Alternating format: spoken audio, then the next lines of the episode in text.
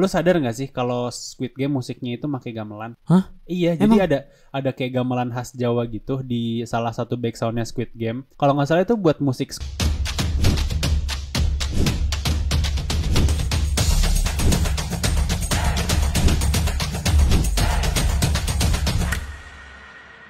Hai guys, welcome back to Cia Podcast, podcast Gudang Cerita. Jadi hari ini kita mau bahas yang anget-anget nih yang guys. masih panas. yang masih panas. kita mau bahas gosip. Yeah.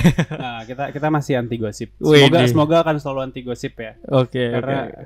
bercanda jangan baru langsung langsung mau ngegosip. Oke, Cumi. oke. Apa nih yang emang? Kita mau bahas ini mainan cumi-cumi, tahu kan? Apa Yang tuh? lagi rame alias Squid Game. Damn. Terus kita mau bahas perampokan duit alias La Casa de Papel alias La Casa de Papel anjir Mas. kuat ngomongnya. Salah tapi.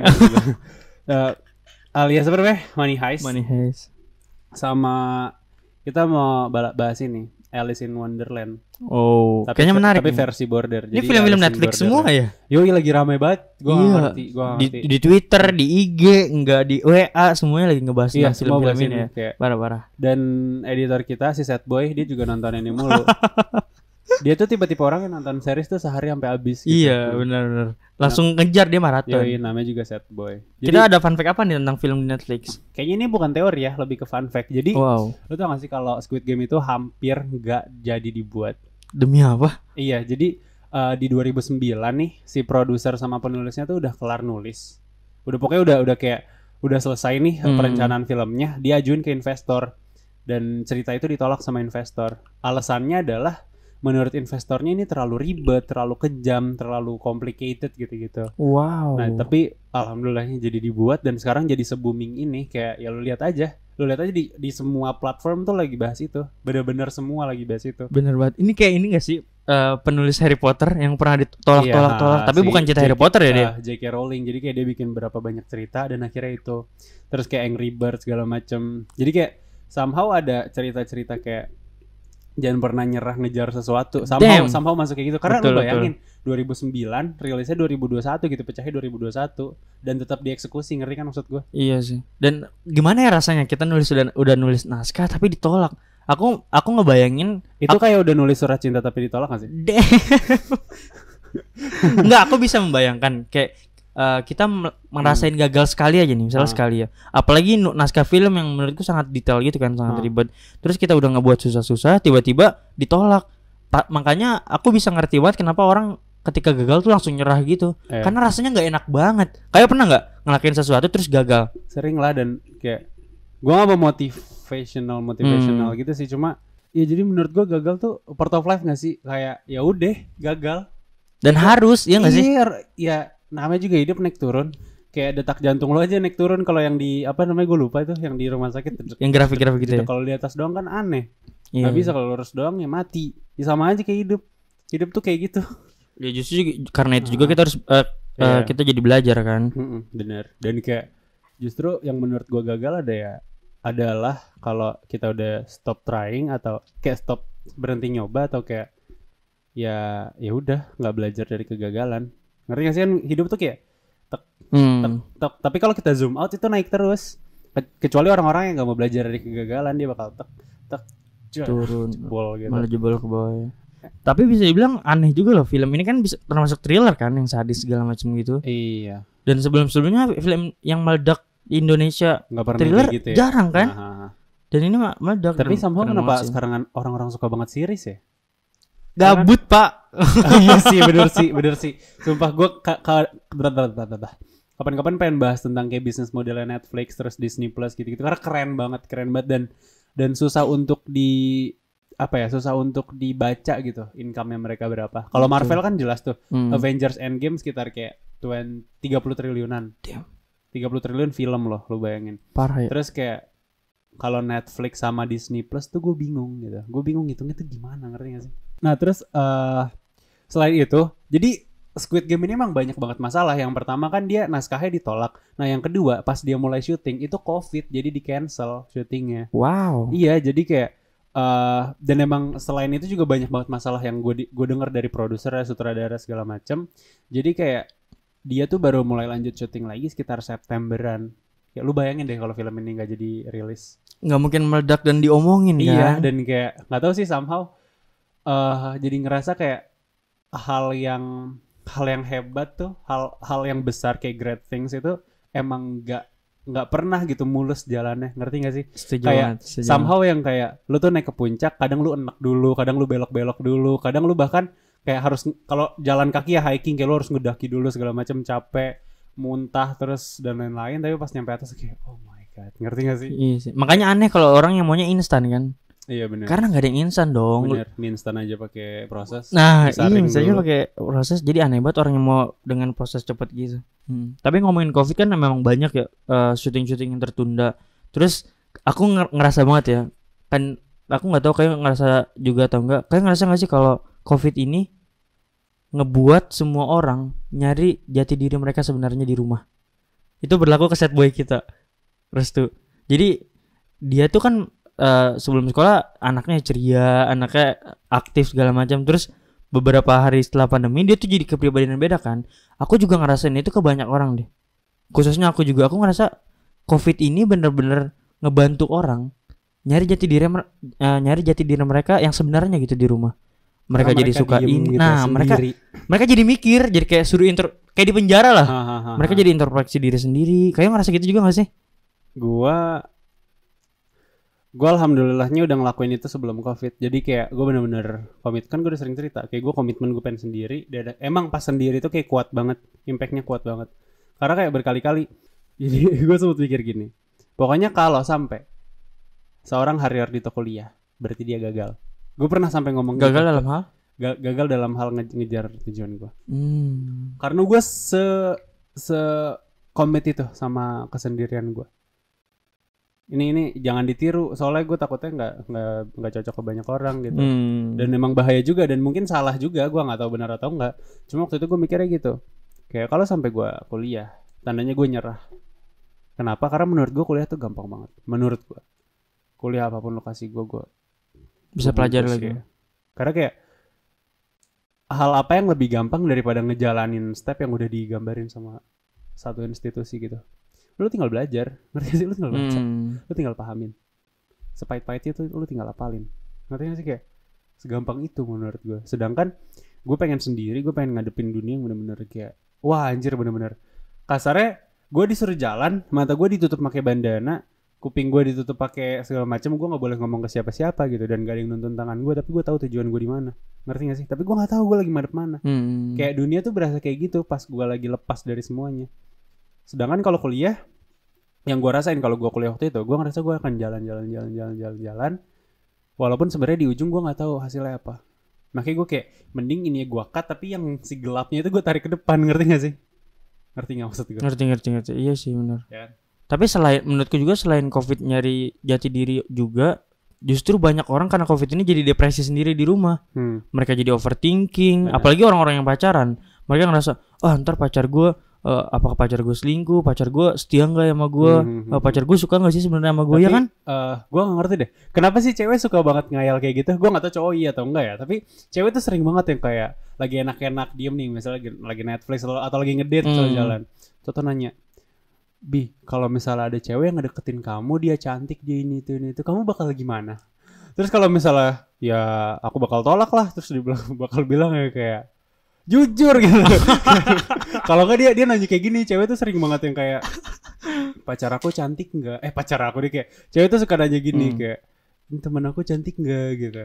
Terus kalau kita bilang nggak jujur cantik apa enggak dia tuh paling cantik tahu di grup aku. Iya iya cantik cantik. Tuh ngerti gak sih? Gua ngerti kenapa cewek suka kayak gitu. Terus selain itu ya cewek tuh sering banget yang ngayal di otaknya tentang sesuatu hal yang Betul. buruk terus Betul. kayak suka sampai nangis sendiri gue diceritain kayak aku tuh sering tahu yang mikir mikirin hal-hal buruk kayak gitu ngerti gak sih Iya benar. ngerti gak sih gue gak ngerti deh kayak misalnya dia ngayal nih eh, ngayal tentang cowoknya selingkuh cowoknya jalan sama sahabatnya dia atau apa terus atau dia dia jadi bad mood seharian terus kalau ditanya kenapa kayak gitu pengen aja? Iya, aku juga suka aneh loh.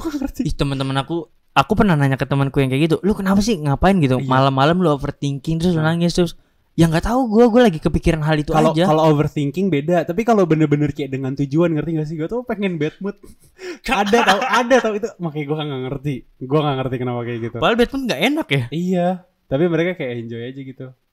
Tapi mungkin itu cara mereka melepaskan hal itu kali ya. nggak tahu juga nggak tahu juga. Tapi aneh itu. tapi kalau kalau overthinking beda sih. Kalau overthinking beda. Ngerti gak sih? Kayak emang udah bener-bener overthinking ya beda lah kadang gue juga nggak bisa nahan overthinking cuma kalau bener-bener yang kayak gitu kayak di ngayal bener-bener dengan tujuan kayak oh ntar di gini gini gini gini Iya sih benar. jujur gue pernah sih beberapa kali terus apa namanya Nah, harus ditanya dong kenapa coba kenapa?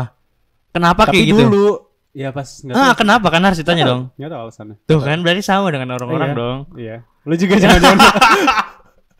Tapi terus juga akhir-akhir ini gue gak ngerti. Gara-gara waktu itu gue lagi jalan naik mobil kan gue nyetir sendiri. Dan gue cuma nyalain map sama lagu doang kan. Hmm. Tapi lagunya tuh mix playlist. Karena ya, Oh, ya gue lah. gak bisa megang dong. Bahaya dong. Terus habis itu keluar lagu keluar keluar lagu galau. Jadi gue tuh sekarang lagi suka banget denger lagu galau. Terus nggak tahu nyanyi aja. Nah waktu itu sebenarnya lagunya gue nggak tahu. Tapi gue nyanyi aja kan bahasa Indonesia kan. Ya pokoknya kalau udah Indo atau Inggris kayak udah nyambung aja deh Ah. nyanyi gitu kan. Terus somehow gue tuh kalau lagu Indo gue denger gue bisa ngehayatin tapi nggak galau ngerti gak sih? Hmm. Terus waktu itu aneh banget demi Allah aneh banget demi Allah aneh banget.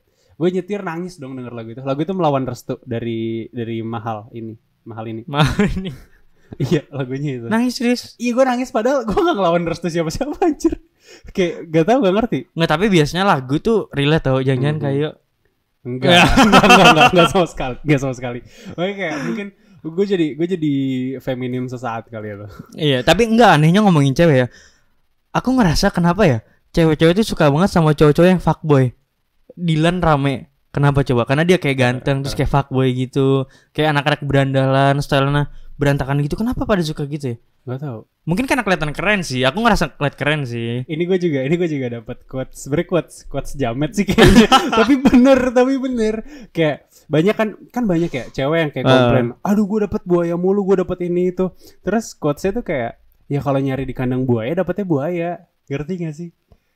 Kayak Eh. lu tahu yang si buaya-buaya itu kayak playboy playboy itu mau tuh apa? Ya, Lu tahu Hmm. yang mereka mau tuh apa? Dan lu nggak bisa ngarepin mereka berubah. Kayak lu lu nyarinya tuh di tempat yang salah, ngerti gak sih?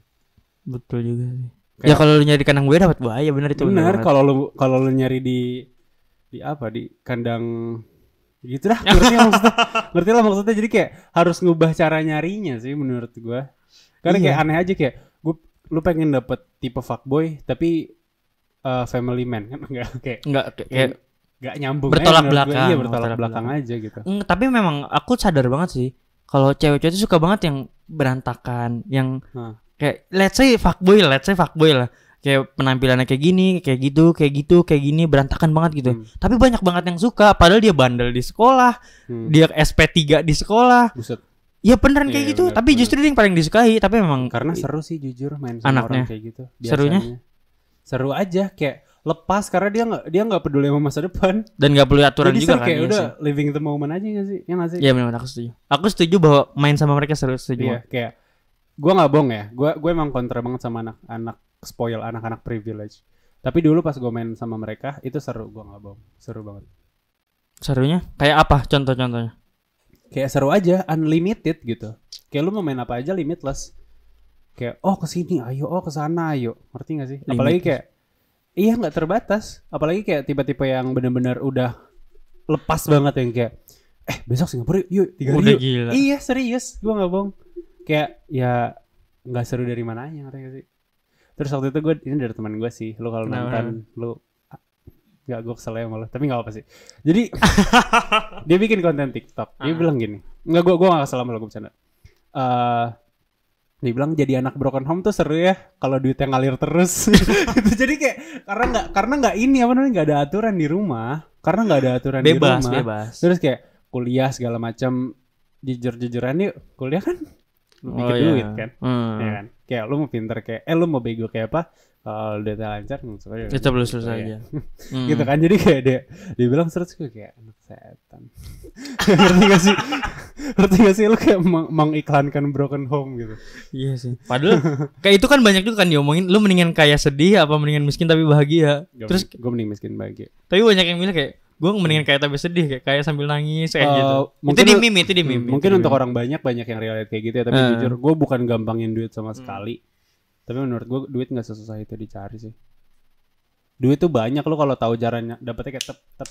Gue pernah waktu itu kayak ada ngobrol sama salah satu pengusaha eh, lumayan gede tapi dia bisnis konvensional gitu bukan startup apa apa. Dia bilang duit tuh ngalir men. Duit tuh ngalir terus depan mata lo lu cuma harus bisa nangkep. Dia selalu berputar gitu kan. yes dia selalu muter lu cuma bisa harus bisa nangkep gitu. Dan kalau lu tahu statistiknya kalau nggak salah ya tiap hari tuh ada puluhan apa ratusan triliun duit itu transaksi ke mana-mana nyari tuannya ngerti nggak sih jadi maksudnya tiap tiap hari tiap hari tuh ada puluhan apa ratusan triliun Eh sama ngebahas itu, aku ini tuh pertanyaan Kak Iyo pernah ditanyain. Lu penasaran gak sih sebenarnya duit itu akhirnya di mana? oh itu Iya gua- kan? hmm, Ah, itu gue udah nemu Itu jawabannya menarik banget tau Gua udah gimana nemu- gimana. sebenarnya itu gue bukan udah nemu jawabannya sih dari dulu pas gue nanya juga kayak gue tahu gitu. Nah, oke. gue tahu jawabannya jadi eh, lebih ke kayak misalnya di di satu dunia nih kayak ada ini kan lebih ke finance deh maaf ya guys nanti kita lanjut ke money heist gitu oh ya by the way buat kalian yang lagi ngedown silahkan dibaca Asik. siapa tahu siapa tahu bisa membantu ini inovasi baru dari CA Podcast karena kita mau rebranding Iya iya. Lanjut. Eh, iya jadi eh, anggaplah duit ada sekian. Nah Hmm. itu tuh terbagi ada yang di miskin, ada yang di kaya gitu. Ngerti gak sih maksud gue? Nah jadi kalau ditanya duit itu ke mana, kayak misalnya gue beli gue beli laptop, ya duitnya langsung masuk ke Apple. Ngerti gak sih? Langsung Hmm. masuk ke Apple, terbagi ke investor-investornya, ke pemilik-pemilik Hmm. sahamnya, gitu. Terus kayak gue beli air ini, ya langsung ke sana gitu. Tapi ini ini notesnya gitu. Kalau misalnya gue beli air ini ke langsung ke gue nggak bisa nyebut nama sih. Misalnya kayak gue gue beli air ini ke institusi yang besar. Lu tau lah toko-toko yang di mana-mana ada gitu. Hmm. Itu langsung ke atas, langsung ke kapitalis. Aduh, jangan kapitalis deh bahasa. Langsung ke pengusaha besar, langsung ke keluarga-keluarga besar gitu. Tapi kalau misalnya gue beli ini ke warung, itu masuk ke keluarga mereka dan pasti langsung lepas duitnya dari mereka. Kenapa? Karena mereka orang-orang yang butuh. Betul. Dan ada teori namanya money velocity, jadi kecepatan uang. Nah, jadi kayak misalnya gue beli ini sepuluh ribu, misalnya sepuluh ribu, gue kasih ke warung. Nah warung itu butuh bayar listrik, eh jangan listrik, butuh bayar beras buat di rumahnya sepuluh ribu. Nah habis itu si yang tukang beras butuh beli telur sepuluh ribu, tukang telur butuh beli apa lagi sepuluh ribu. Nah udah sampai lima orang, duit sepuluh ribu gue itu value-nya lima puluh ribu dalam sekejap. Karena lima kali Oh. gitu. That's why semenjak gue tahu teori itu, gue selalu mikir kayak gimana caranya gue beli kalau spending duit itu kurang-kurangin ke kapital ke perusahaan-perusahaan besar gitu. Tapi bukan berarti perusahaan besar jelek, cuma gue ngelihat banyak banget pengusaha-pengusaha besar yang mereka tuh mikirin perut sendiri doang. Itu yang sering gue mikir. Individualis ya. Iya bener, kayak maksudnya emang di sisi emang di sisi lain eh, mereka mempekerjakan orang segala macam ini itu, tapi berapa persen yang masuk ke kantong pekerja, berapa persen yang masuk ke kantong ini dan berapa persen yang masuk ke kantong dia. Nah makanya itu gue sekarang bener-bener ngelihat banget kayak bukan brandnya apa tapi siapa sih di balik brand ini. Kayak gue ada tuh eh, salah satu keluarga terkaya juga yang gue tuh yang kayak gue gak akan beli barang lo, ngerti gak sih? Dia gede banget, gede gede segede gede gede itu perusahaan. Tapi gue kayak ah kayak nggak nggak akan gue beli barang dia lo karena impact itu negatif banget main ke sosial Hmm. gitu. Iya dan menurut gua ngomongin tadi kayak kapitalis bukan kapitalis maksudnya. Orang yang punya kekuasaan atau kekuatan besar ya. Hmm. Aku ngerasa kekuatan dan kekuasaan itu bisa ngerubah orang banget tau. banget Kayak misalnya orang yang let's say dia baik sebelum punya kekuasaan. Tapi karena punya power dan punya kekuasaan dia bisa langsung kayak, "Wih, gue punya Hmm. power nih. Masa gua nggak pakai?" Mereka Ap- jadi ngerasa iya. gitu kan? apalagi kalau lu udah di titik tertentu kayak misalnya lu udah atau ya kita bikin relate aja ya misalnya lu udah masuk ke kantor gitu terus ngeliat teman lu yang naik jabatan atau teman lu yang punya Hmm. usaha baru lu tuh bakal ngeliat teman-teman lu yang berubah karena duit ada orang yang gak akan berubah sampai kapan pun Hmm. karena duit tapi ada orang yang berubah banget karena duit gitu dan itu menurut gue negatif banget karena uang emang powernya sebesar itu jadi banyak banget orang yang kekontrol sama duit dan bukannya mereka yang kontrol duit gitu Pesannya adalah pintar-pintar mengatur duit, teman-teman. ngomong-ngomong tentang duit gue mau membahas lekas di papel ya heist. kita masih bahas Squid Game dong. Ada Oh, ya, fun Squid fact Game ya? lagi nih. oke Squid Game Squid Game Ada fun fact apa ya. lagi nih tentang Squid Game? ada sih ada sih jadi ini sebenarnya kayaknya udah banyak yang tahu deh jadi Squid Game itu semua propertinya itu tuh real tau jadi maksudnya Wow. buat kalian yang nggak tahu film tuh banyak banget pasti udah tahu sih film tuh banyak banget kan visual effects gitu-gitu kan Hmm. editan segala macam nah produsernya nih bilang kayak gua nggak mau kebanyakan visual effects supaya bikin semuanya tuh berasa nyata dan bahkan pemain-pemainnya Squid Game mereka tuh berasa kayak panik beneran, tegang beneran. Gue sempat baca itu karena emang bener-bener seril itu gitu setnya. Ngerti Wow. gak sih kayak bener-bener ya Ah. udah tantangan aja buat mereka. Walaupun ini syuting gitu. Keren juga ya. Kayak Ninja Warrior gitu kali, ngerti gak sih? ngerti gak sih? Ya gak sih in a way, in a way gitu. Cuma ini Enggak, kayak, tapi justru malah mundur nggak sih dari segi pembuatan filmnya? Seharusnya dia bisa memilih Nggak, menurut gue ini kayak tipe-tipe Jackie Chan gitu. yang kayak gua nggak mau pakai stuntman, ngerti nggak sih? Hmm, Betul. Karena gue betul. pengen bener-bener ngehayatin ini gimana. In a way kayak gitu menurut gue. biar rasanya dapat Ah, juga nggak sih? Ah, kayak Joker sebenarnya acting juga bisa tapi kayak dia bener-bener ngedalamin ngerti nggak sih? Eh tapi beda sih sama Joker. Cuma kayak kayak ya artis-artis yang nggak mau pakai stuntman banyak tau. Ada beberapa. Iya sih. Karena dia mau ngerasakan sendiri kan. Yes, Tom betul. Holland juga kayak kalau nggak salah itu deh. Tom Holland nggak tau deh gue. Iya kalau nggak salah tahu aku pernah pernah lihat behind sini dia ngelakuin sendiri Siapa lagi semuanya. ya Brad Pitt juga ya kalau nggak salah ya. Gue nggak tau deh. Tom Cruise. Nah Tom Oh Cruise iya, benar. iya, benar-benar. Apalagi Tom Cruise. Iya bener-bener. Ada tuh yang scene dia. Jadi ada eh fun fact nih. Ada scene Tom Cruise yang kalau nggak salah Mission Impossible Iya. something ya. Dia tuh lagi megang di pesawat, di samping pesawat. Itu tuh before sama after editnya cuma beda tali doang. Ternyata dia bener-bener nyangkut, bener-bener pegangan. Seniat itu. Bener-bener worth it banget dia dibayar segitu. Tapi pertanyaannya apa nggak ada visual effects ya? Maksudnya kayak sampai segitu tuh. Tapi kayak keren sih, jujur keren sih. Maksudnya kayak yang kayak gitu-gitu gue salut banget. Makanya dia layak kan disebut one of the best actor in the world kan. Iya benar. Jackie Iya, Chan apa Jackie lagi? Chan, terus Iya, kayak- aku aku lagi scroll scroll IG Explore ya. Terus aku ngeliat Jackie Chan, Mr. Bean, eh, pemeran aslinya udah tua-tua banget. Sedih Ih, ya? sedih Sedih banget sumpah tau. gue pas ngeliat Mister, Mister Sedih banget jujur kayak Mr. ih Bean tua mereka tuh. yang bikin kita ketawa dulu. Iya. Sekarang udah rambutnya tuh udah putih banget kayak yo jujur. Hmm, Terus pas ngeliat ih sedih banget kalau mereka Pak meninggal Rowan ya. gimana. Tapi tapi untungnya tuh gue senengnya ya Heeh. film-film luar yang legend-legendnya itu dihargain bener-bener ngerti gak sih? Jadi kayak mereka udah bikin karya yang sebagus itu, mereka bisa ya udah bisa layback ngerti gak sih bisa kayak udahlah gue kalau mau nyantai-nyantai. Beda sama kita parah ya. Yang kayak kita gue nggak nyebut nama dan gue juga nggak tahu case nya kayak gimana ya. Tapi Hmm. banyak banget yang kayak mereka udah berkarya ini itu di titik tertentu mereka masih harus kerja, masih harus nyari duit. Betul. Kayak atlet juga kayak gitu-gitu.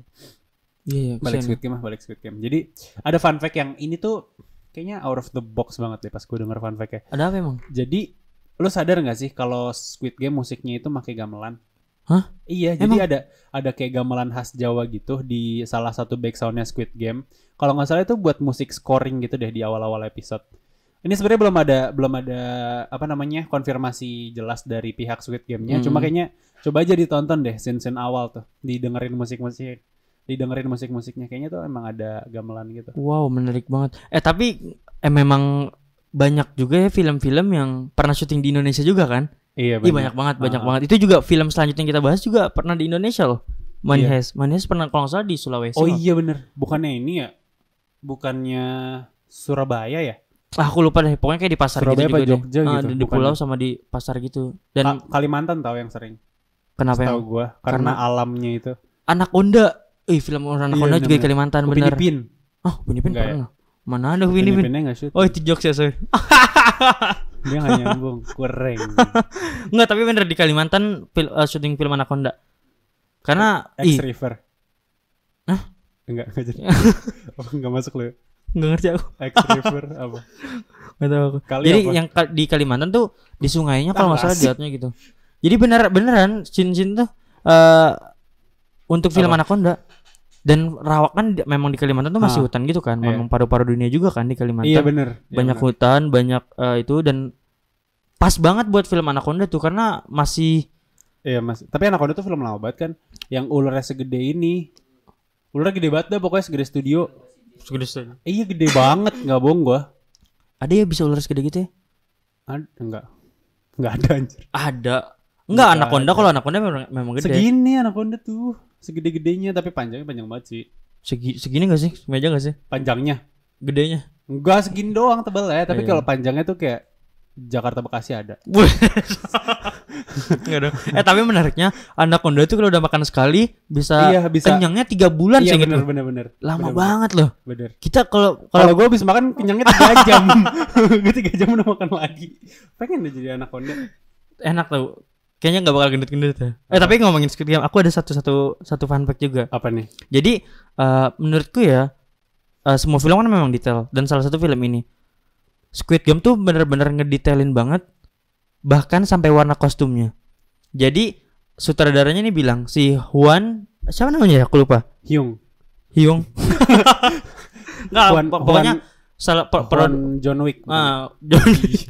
pokoknya produser sekaligus penulisnya dia tuh bilang bahwa eh, perbedaan warna kontras ini sengaja untuk menunjukkan perbedaan kelompok. Karena kalau misalnya satu warna itu bakal menghapus identitas indiv- individualis sama identitas eh, kepribadiannya. Jadi kontras warna itu sangat-sangat mencerminkan kalau mereka tuh Udah beda dua kelompok. gitu Nah, aja ya. paham, dan paham, itu yang paham. dia bilang sendiri dan menurutku benar juga sih. Dan kontras warna yang dikasih juga sangat berbeda. Jadi kita bisa ngeliat jelas bahwa ini kelompok ini dan ini kelompok ini dan itu bagus Hmm, banget hmm, sih. hmm, hmm. Karena memang film Lebih pasti mikirin psikologi nggak sih? Lebih ke psikologi nggak sih? mungkin sih dipikirin sampai segitunya kan. Aha. Secara psikologi juga pasti kan perbedaan warna yang mencolok juga makanya tes buta warna kan. Mhm. Jadi kita bisa ngeliat jelas satu warna di dalam warna lain, satu warna tuh di luar di luar warna lain juga. Aku pengen bahas Alice in Borderland. Eh kenapa kenapa kenapa? kenapa? Nah jadi lu tau gak sih kalau ternyata Alice in Borderland itu diangkat dari manga? Hah? Manga, Manga tuh apa? manga tuh sama anime sama gak sih? Beda, manga tuh komik. Manga tuh komik kan, Nah, tapi anime itu video. sama gak sih sama oh anime itu Ah, video, ah. tapi kayak satu satu cerita Yes, lah ya yes, bisa dibilang. yes. Nah jadi Alice in Borderland ini diambil dari manga Imawa no Kuni. Nah jadi eh kepanjangannya gue nggak hafal, pokoknya Imawan Ima itu. nah eh, manga ini dia punya tiga serial spin-off kita sebutnya. Hmm. Nah, yang pertama itu King of Diamond itu kalau nggak salah 2014-an rilisnya. Yang kedua itu Alice in Border Road, jadi bukan Borderland. Hmm. Itu di 2015-an sampai 18-an kalau nggak salah rilisnya. Nah, yang terakhir itu Alice in One Alice in Borderland yang terakhir. Hmm. Itu 2020-an sampai pokoknya sekarang masih jalan. Gitu. Oh berarti sebenarnya Alice yang Borderland ini Itu yang punya tiga juga? itu- enggak itu yang ketiga. Oh. Lu salah anjir. Enggak, Alice yang Borderland punya tiga-tiganya. Enggak, jadi si si manga itu si manga itu punya tiga cerita. Nah, salah satu itu Alice in Border. Oh, jadi Borderland. diadaptasinya dari yang ketiganya doang. Wih, Hmm. kayak begitu kurang lebih. Ih, tapi ba- memang banyak sih. Eh bukan diadaptasi kayak gitu tapi gitu deh maksudnya lu salah paham sepertinya. Iya, tapi memang banyak sih film-film yang diadaptasi dari buku apa lagi. Iya Itu dari novel ah, kayak Harry Potter tuh novel. Iya benar, Harry Ya Potter kan? itu novel Harry baru diadaptasi dari film dan bagus banget sih. Karena banyak banget yang dari La- Laskar Pelangi. Oh iya. Nonton Laskar Pelangi nggak? Nonton dong. Ih, Itu keren banget sih. Gue Jujur. gue waktu itu Umur berapa ya? Umur kita berapa? gue ya? kelas 2 SD gue inget banget. Gue lagi nontonin sih itu kayak guru gue bilang suruh nonton yang ada lintang ikal gitu-gitu gue inget banget. Iya benar.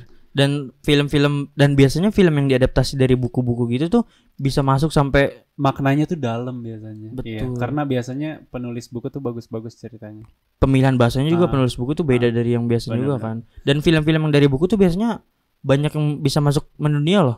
Aku ngerasa film yang rata-rata diadaptasi dari buku ya. Eh, hasilnya tuh bisa masuk ke top classmen, nah, ya. bener. aku ngerasanya gitu kayak Laskar Pelangi kan Ya kayak kayak ini aja kayak Alice in Borderland tau gak sih kalau dia tuh masuk ke top 10 di 40 negara kalau nggak salah. wow beneran Iya, terus bahkan di Asia aja dia masuk ke top 10 nya 6 negara. Oh. Nah, jadi salah satu dari enam itu kayak Hong Kong, Malaysia, Vietnam, Singapura, Thailand, berarti Indonesia enggak ya Indonesia enggak. Mungkin Kesian belum kali ya, belum update kali ya, gue ngerti juga. Karena Indonesia ramai juga sama Alice. Banyak yang nonton juga Iya, cuma banyak yang ngebandingin gitu kayak bagusan Alice, bagusan ini padahal kayak Iya sama aja sih beda aja, ngerti gak sih? Iya sih. Indo Indo kan emang gitu hal Ah. kecil aja nggak nggak perlu eh diribetin Lo ada gak sih teori eh teori fun fact tentang ini? ada tentang Alice Iya. Jadi setelah film Alice ini keluar, nama eh, Kento Yamazaki sama Tao Tsuchiya itu pemeran utamanya itu jadi top pencarian di Google. Jadi oh, orang search gitu ya, kayak trending Betul. search gitu ya. jadi orang-orang tuh pada penasaran nih orang eh, Siapa? siapa terus keberadaannya gimana atau mungkin dia mau nyari foto-fotonya buat jadi buat dijadiin story. kan Bener, biasanya gitu. Biar update. Iya orang-orang Indonesia kan biasanya gitu. anak-anak FOMO. Nggak Iya, tapi emang. aku juga biasanya kalau aku suka film sih aku pasti emang kadang gitu. suka kepo. Kayak juga kayak gitu, kayak gitu nggak? Enggak. Kalau aku kayak gitu. Jujur. Dulu yang film-film yang aku suka, misalnya pemerannya siapa nih aku cari. Oh dia orangnya ini. Gua kalau suka sama film, gua lebih salut sama produser, penulis, biasanya kayak gitu. Kenapa? Karena mereka man behind the be- the man behind everythingnya tuh mereka gitu. Tapi justru ya, yang dikenal frontman-nya kan. Aku kan suka sedikit Kadang- loh. Iya bener. Iya kan kayak superhero sebenarnya tuh orang-orang yang nulis, orang-orang yang merencanakan semuanya. Kadang gua kayak kasihan aja kok. Gitu ngerti gak sih? Iya, kadang suka Dan bayarannya tuh gila, ngerti gak sih? Bayarannya artis-artis tuh gila dibanding dibanding penulis tau gua. Cuma kayak ya balik lagi sih. Ke? Ke nggak tahu kenapa. ah, aku udah satu lagi nih fun fact tentang Alice. Jadi ada ada scene eh, yang seharusnya mereka tuh syuting di depan Starbucks gitu. Hah? di Shi- Shibuya salah satu kota di Jepang. Tapi karena Shibuya tuh tau gue Shibuya Cross tau yang tahu iya betul yang betul rame betul. Banget? yang rame banget. Ih itu aku suka banget. Keren nah seharusnya di salah satu toko di situ kan ada Starbucks. Hah. mereka seharusnya syuting di situ. Tapi karena sutradara atau produser ngerasa ini terlalu banyak kaca kita susah ngesetnya. Ribet jadi ya. iya mereka jadi gantinya tuh di depan papan nama stasiun gitu. Karena ngerasa lebih mudah dia ngerasa juga kayaknya ini posisi yang pas aja gitu. Karena Starbucks kan memang pasti banyak kaca banyak eh, restoran-restoran gitu kan Iya jadi kayak ini lebih ke cerita-cerita behind the scene aja gak sih? Hmm. Kayak hal-hal kecil, hal-hal yang gak pernah diketahui ke publik gitu. Ya gak sih?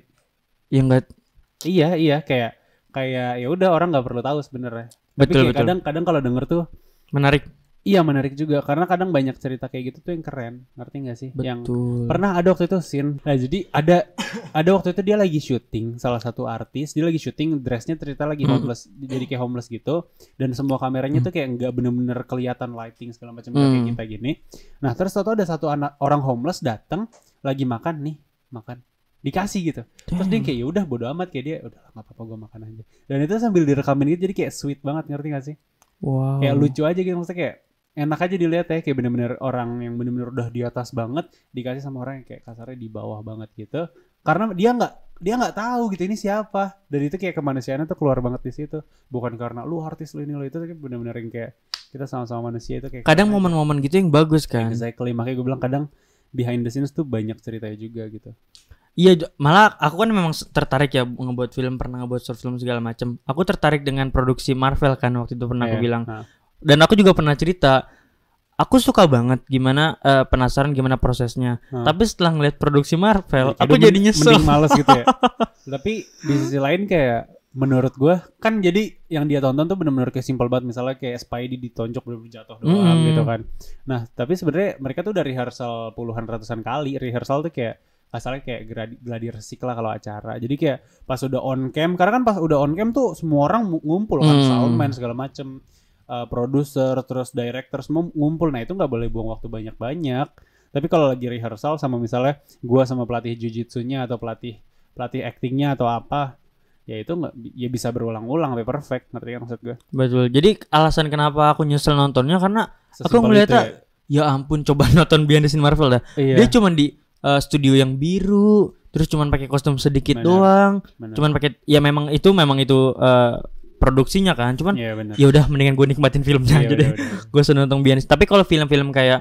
uh, action Mission Impossible tuh aku menikmati banget uh, behind, Behind the scene-nya scene-nya. karena bener-bener mereka yang mempraktekkan kan tapi behind the scene yang keren tuh behind the scene yang dulu tahu yang zaman-zaman Charlie Chaplin Hmm. Tahu gak sih yang kayak tahun 1930-an? yang masih hitam putih ya Iya, kayak sampai ada tuh kalau nggak salah scene yang dia benar-benar syutingnya tuh di di atas gedung kalau nggak salah ada deh ikonik banget nanti coba Hmm. dicari itu lucu banget. Gue kalau ngeliat itu kayak ih salut banget. Kayak bener-bener entertainment tuh ternyata emang dari dulu banget. Lu bayangin gak sih kayak sebelum ada TV ngerti gak sih? Zaman-zaman sebelum ada even film-film hitam putih gitu entertainment dari radio didengerin gitu.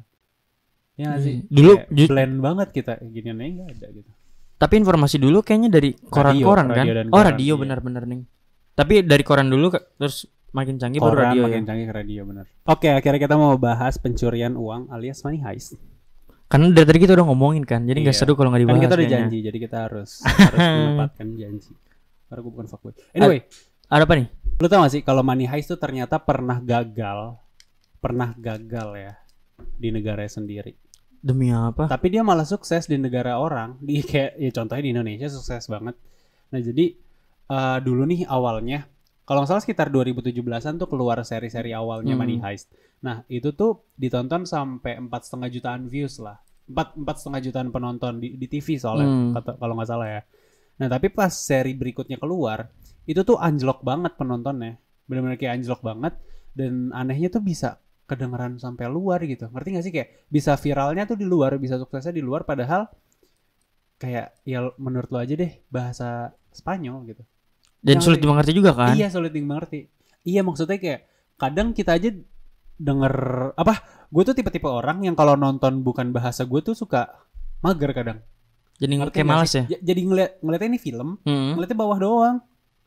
Iya Karena kita fokus ke ini kan. Iya nggak menikmati gitu. Kecuali gue bisa bahasanya. Nah tapi kerennya kayak bisa gitu sampai semua orang suka.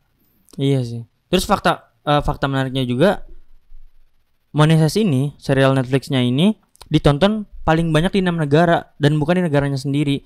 Jadi eh, kayak kayak bilang tadi dia tuh di negara sendiri eh, pertama bagus dan anjlok terus sekarang Malah eh, sukses di malah tempat sukses di negara lain. Nah, juga kan. negara-negaranya tuh kayak eh, Brazil, Prancis, Italia, Portugal, terus dua negara oh Afrika sama Turki. Oh Indonesia nggak masuk. Oh enggak kayaknya. Tapi mungkin ini belum diupdate ya. Jadi nama-nama negara yang tadi aku sebut tuh berdasarkan film dokumenter Phenomenon. Jadi berdasarkan itu di enam negara itu dia paling banyak ditonton. Oh gitu. Iya, Nah terus gue juga ada sejarah sih tentang Wow, topengnya Money Heist. Jadi, menarik nih. Eh, nah jadi gue mau ngasih tahu cerita di balik topeng yang dipakai sama gengnya Money Heist. Wah kenapa tuh? Nah jadi eh, topeng ini tuh ternyata terinspirasi dari salah satu seniman yang namanya tuh Salvador Dali kalau nggak salah. Jadi selama dia hidup karya-karyanya itu dipakai untuk gerakan Zurich di abad 20-an kalau nggak salah. Nah, Hmm. jadi tujuan dari gerakan itu adalah menolak eh, masyarakat kapitalis modern. Wow. Nah, itu tuh sama banget sama ideologi sama pesan-pesan yang disampaikan di Money Heist. Iya karena di film Money Heist mereka mem- mem- memberontak bank kan, Iya, bank-bank kayak besar gitu-gitu. gitu dan kapitalis modern. Jadi selain selain topengnya, aku juga punya fun fact satu lagi. Ini fun fact terakhir juga sih di film Money Heist, yaitu di karakter Tokyo. Jadi karakter Tokyo di film Money Heist itu terinspirasi dari karakter Matilda di film Leon the Professional. Jadi eh, pas masuk ke geng profesor, si Tokyo ini kan potong rambutnya tuh. Eh, potong rambutnya jadi pendek dan itu mirip banget sama karakter Matilda di film Leon yang dirilis tahun 1994. Selain rambutnya yang pendek, si Tokyo juga pakai kalung yang kecil gitu Hah? eh, di lehernya dan itu sama persis sama yang Matilda pakai eh, di film eh, Leon the Professionalnya juga. Dan satu lagi, mereka itu selain penampilan yang sama, karakternya juga sama, yaitu mereka sama-sama kuat. Mereka itu sama-sama kayak tomboy dan sama-sama kayak gerasak gerusuk gitu loh dan Tokyo di film Manis itu memang gerasak gerusuk gitu orang berani banget.